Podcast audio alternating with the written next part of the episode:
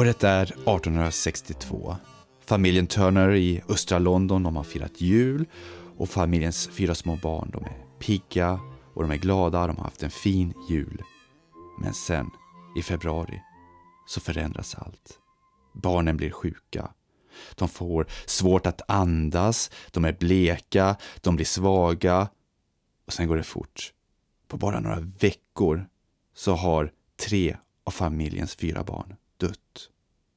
Läkare de säger att barnen de har drabbats av luftvägsdifteri som är då det vi kallar för äkta krupp.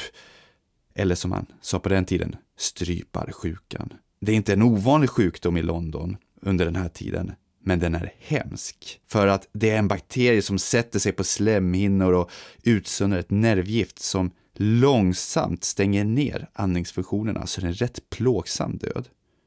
Och det är så här, på det sättet, barnen har dött. Men så sprids det givetvis väldigt fort bland grannar om den här hemska olyckan eller den olycka som familjen Turner har drabbats av. Och de börjar tycka, är det inte märkligt att en familj kan drabbas så hårt som just Turner har gjort? Var det verkligen difteri? Rykten sprider sig, det skvallras och det pratas och historier börjar berättas. Det är det här som är storysyndromet. Man fattar att en sån här händelse lätt sprids och nästan blir till en skräckhistoria. När alla, nästan alla barn i en familj dör. Sånt gör folk rädda. Och nu är det så att det här avsnittet är en fortsättning kan man säga på tapetavsnittet, vårt allra första avsnitt. Ja, eller hur Henrik? Eller hur? Och det vi upptäckte när vi gjorde det avsnittet var att om man väl börjar gräva någonstans så, så hittar man alltid så otroligt mycket information och spännande berättelser så att man måste, man måste börja sålla, man måste börja ta bort för att kunna göra någonting sammanhängande. Och det här som vi ska ta upp idag, det var just en sån sak som vi tänkte på, men vi, vi sparar det till en senare gång, till ett senare avsnitt. Och nu är vi här.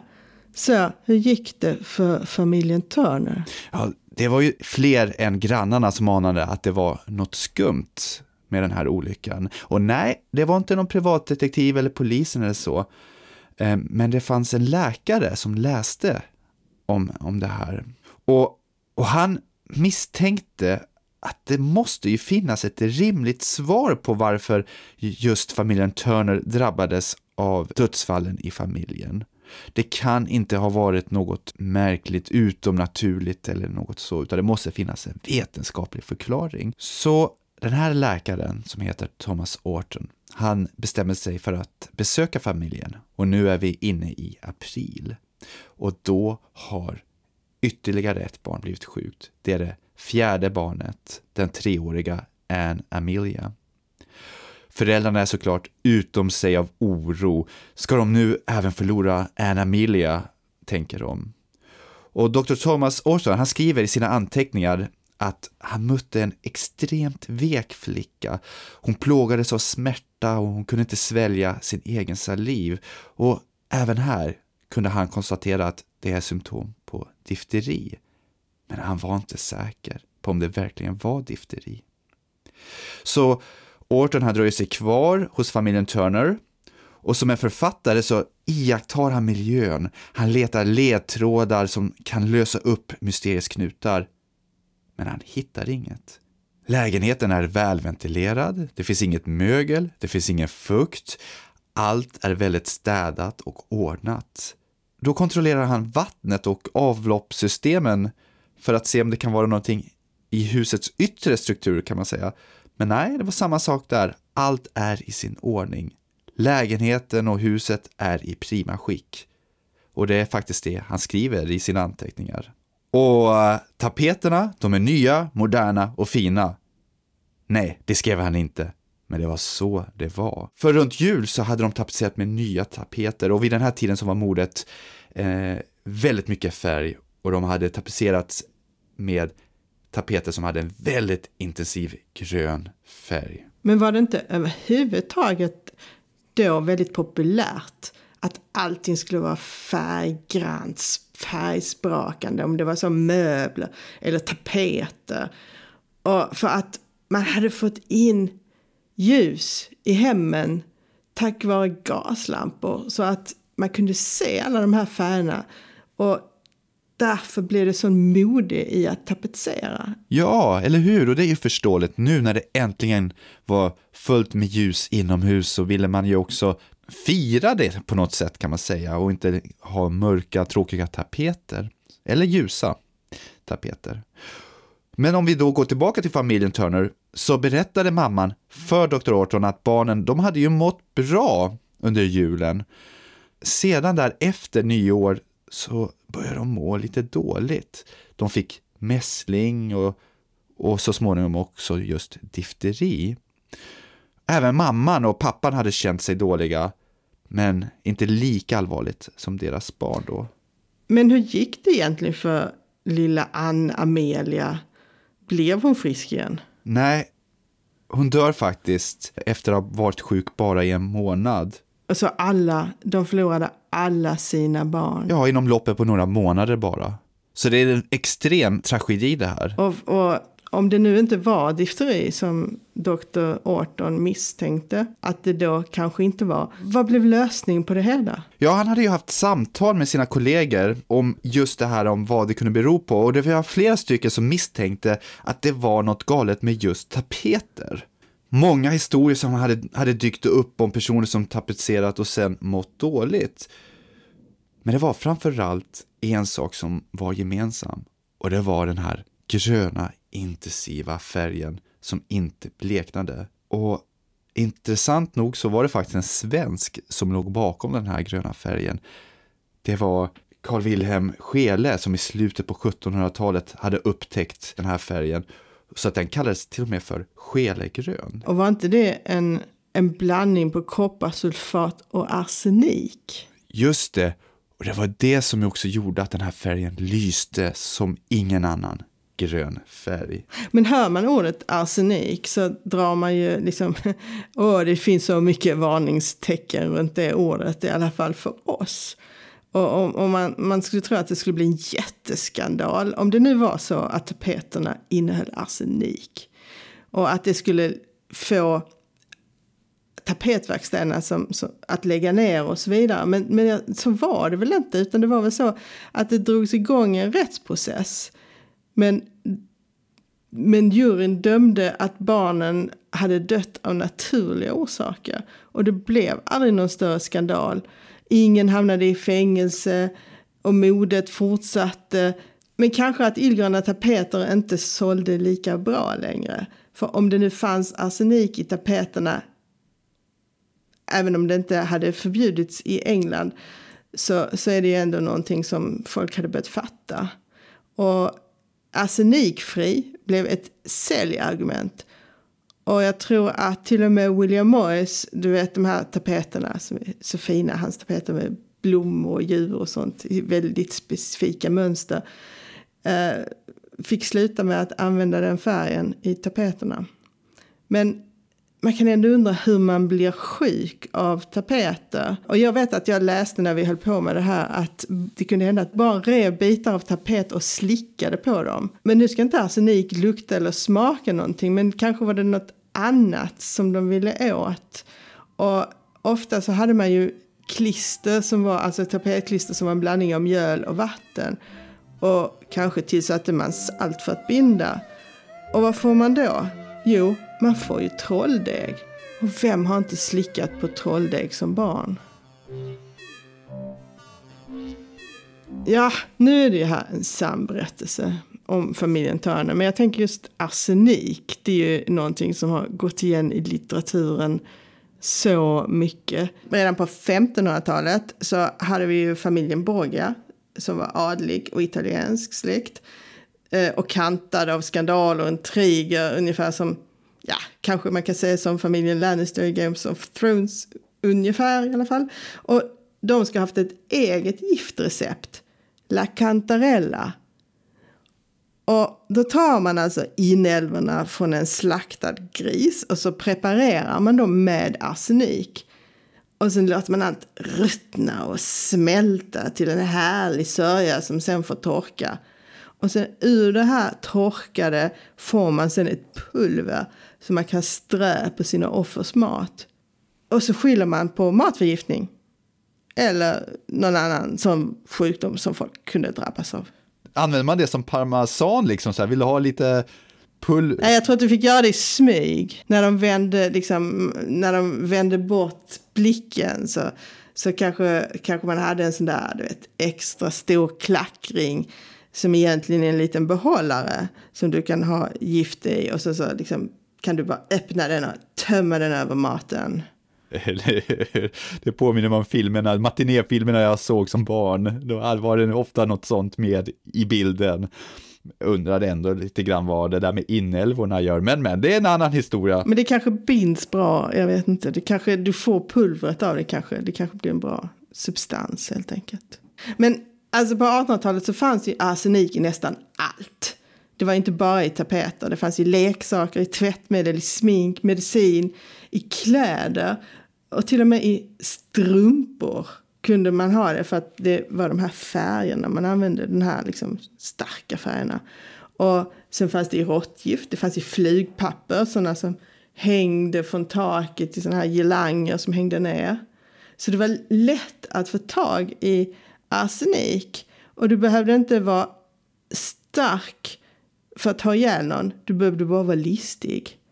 Och då blev plötsligt arsenik en problemlösare som var lätt att ta till. Om det sen var sant eller inte. Men, men jag kan tänka mig att historierna flög.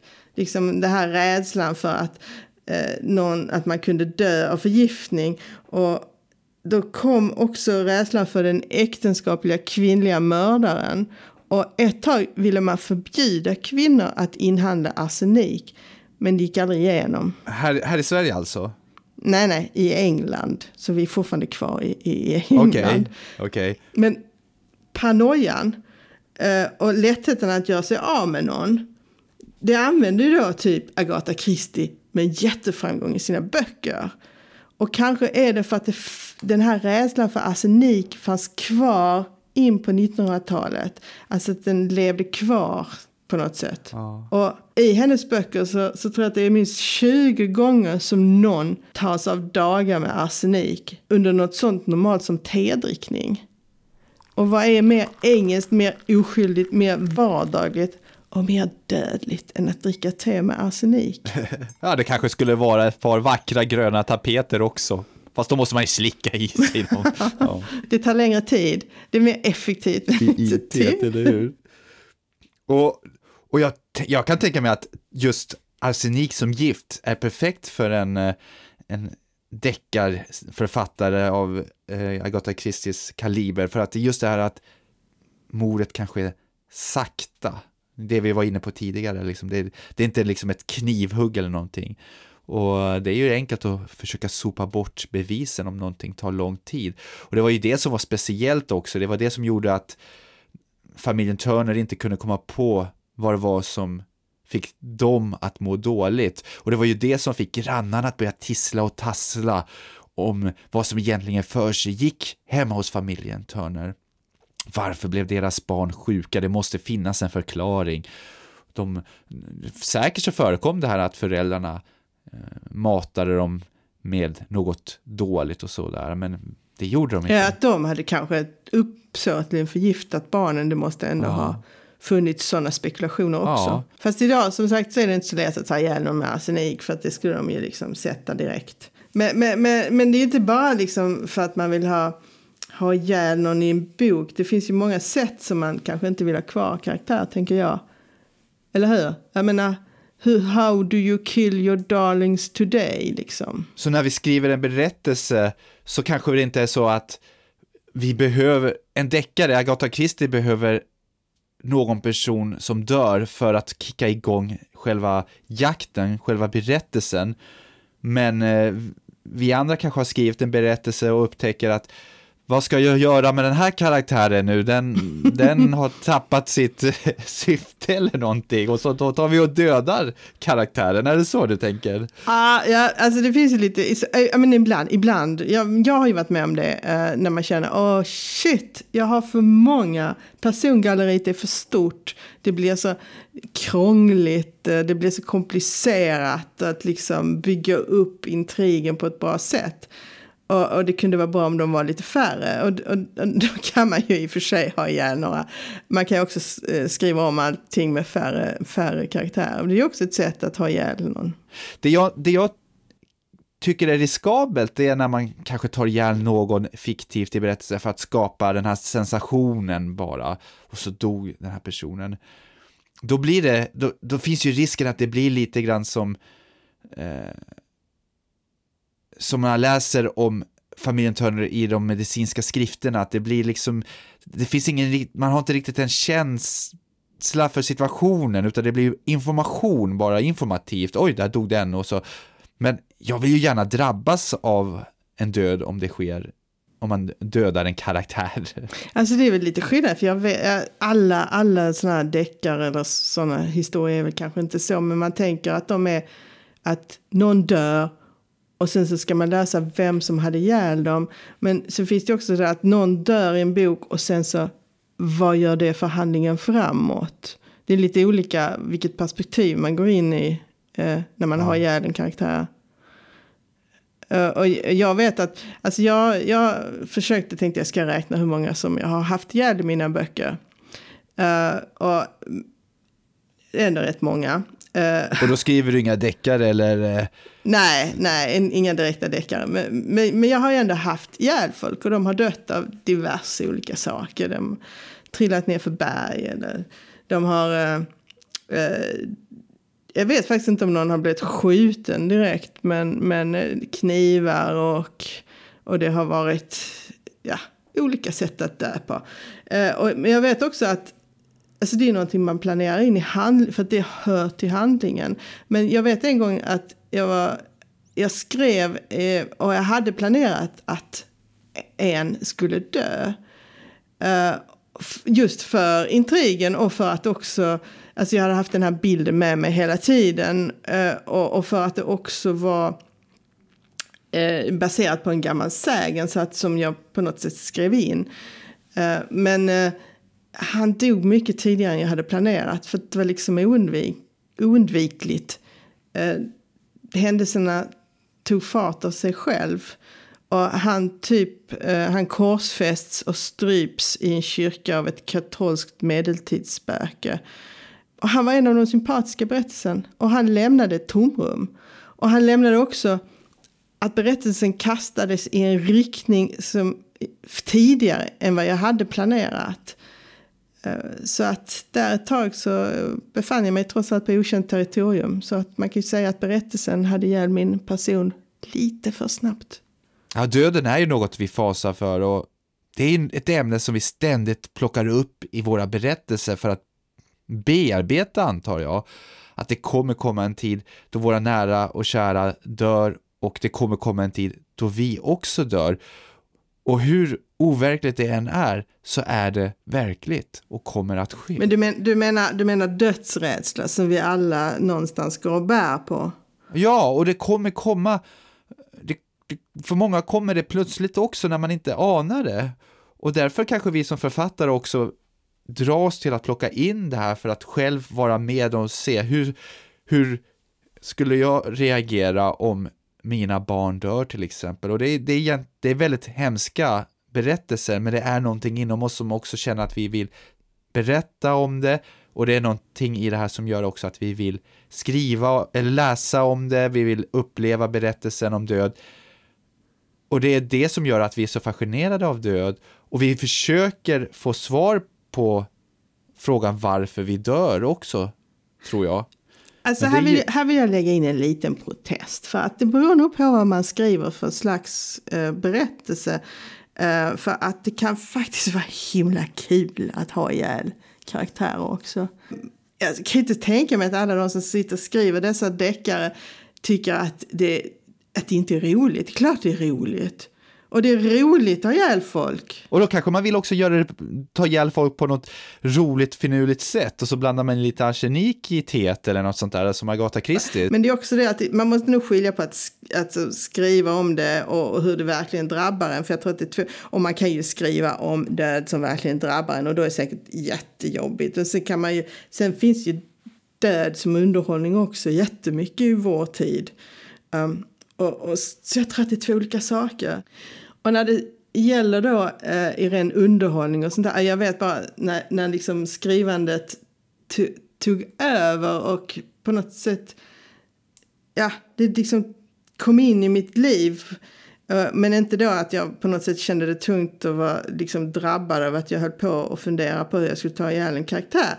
Utan det var så att jag, jag åkte till affären och det, det var en lugn dag, ingen trafik. Jag puttrade på, jag körde in i rondellen. Det fanns inga bilar och jag svängde av och jag bytte fil. Och jag minns att jag kollade väldigt noga för att jag höll just då på att övningsköra med sonen så jag var jätteuppmärksam på det här med att kolla backspegel, sidospegel, blinka, kolla döda vinkeln och så vidare. Och sen så svänger jag in till affären och parkerar. Och så kommer det efter en polisbil in på parkeringsplatsen. Och ut hoppar två poliser och den ena går fram till mig och säger Vet du om att du körde mot rött? Och jag var bara liksom, jag var nog mest, mest förvånad. Alltså jag måste sett ut som ett frågetecken. Och jag var helt genuint oförstående. Nej men vi låg bakom dig vid trafikljuset. Säger hon då. Och, men jag, alltså jag fattar fortfarande inte. Och, och du vet när man liksom fäktar i tanken för att få något att gå ihop. Men det gör inte det, för man, man, man har inte den bilden, det har inte hänt liksom. Och det måste ha syns på mig att jag var väldigt förvirrad av vad hon sa. Men jag fick ju blåsa, för det är rutin när, när det är sån här eh, kört mot rött. Uh, och så, så frågade hon, du kanske har bråttom, sa hon. Uh, och jag kände att nu började polisen även liksom bli osäker på att det hade hänt. Uh, och du kanske tänkte på något annat. Så hon liksom föreslog saker för att jag skulle hitta en lösning. För jag var så liksom helt frågetecken. Uh, och, och, så tänkte jag att jag, ja, ja, men jag tänkte ju faktiskt på något. Så jag liksom nickade och sa ja, jag tänkte nog på något. Om hon då hade frågat vad var det du tänkte på? Så hade jag svarat ärligt av bara farten. För att vad jag tänkte på det var att om man injicerar ett lik med ett ämne som löser upp inälvor och benstruktur hur ser det då ut om det ligger i vattnet en längre tid? Går det att känna igen offret? Men hon polisen sa bara, du har tur för vi är här för vi fick ett annat larm. Men tänk på att köra försiktigt. Och sen bara gick hon. Så det blev ingenting. Du har lyssnat på Storysyndromet med författarna Kristina Hård och Henrik Pettersson. Podden som inte kan låta bli att leta berättelser och hitta idéer. Vi finns på storysyndromet.se.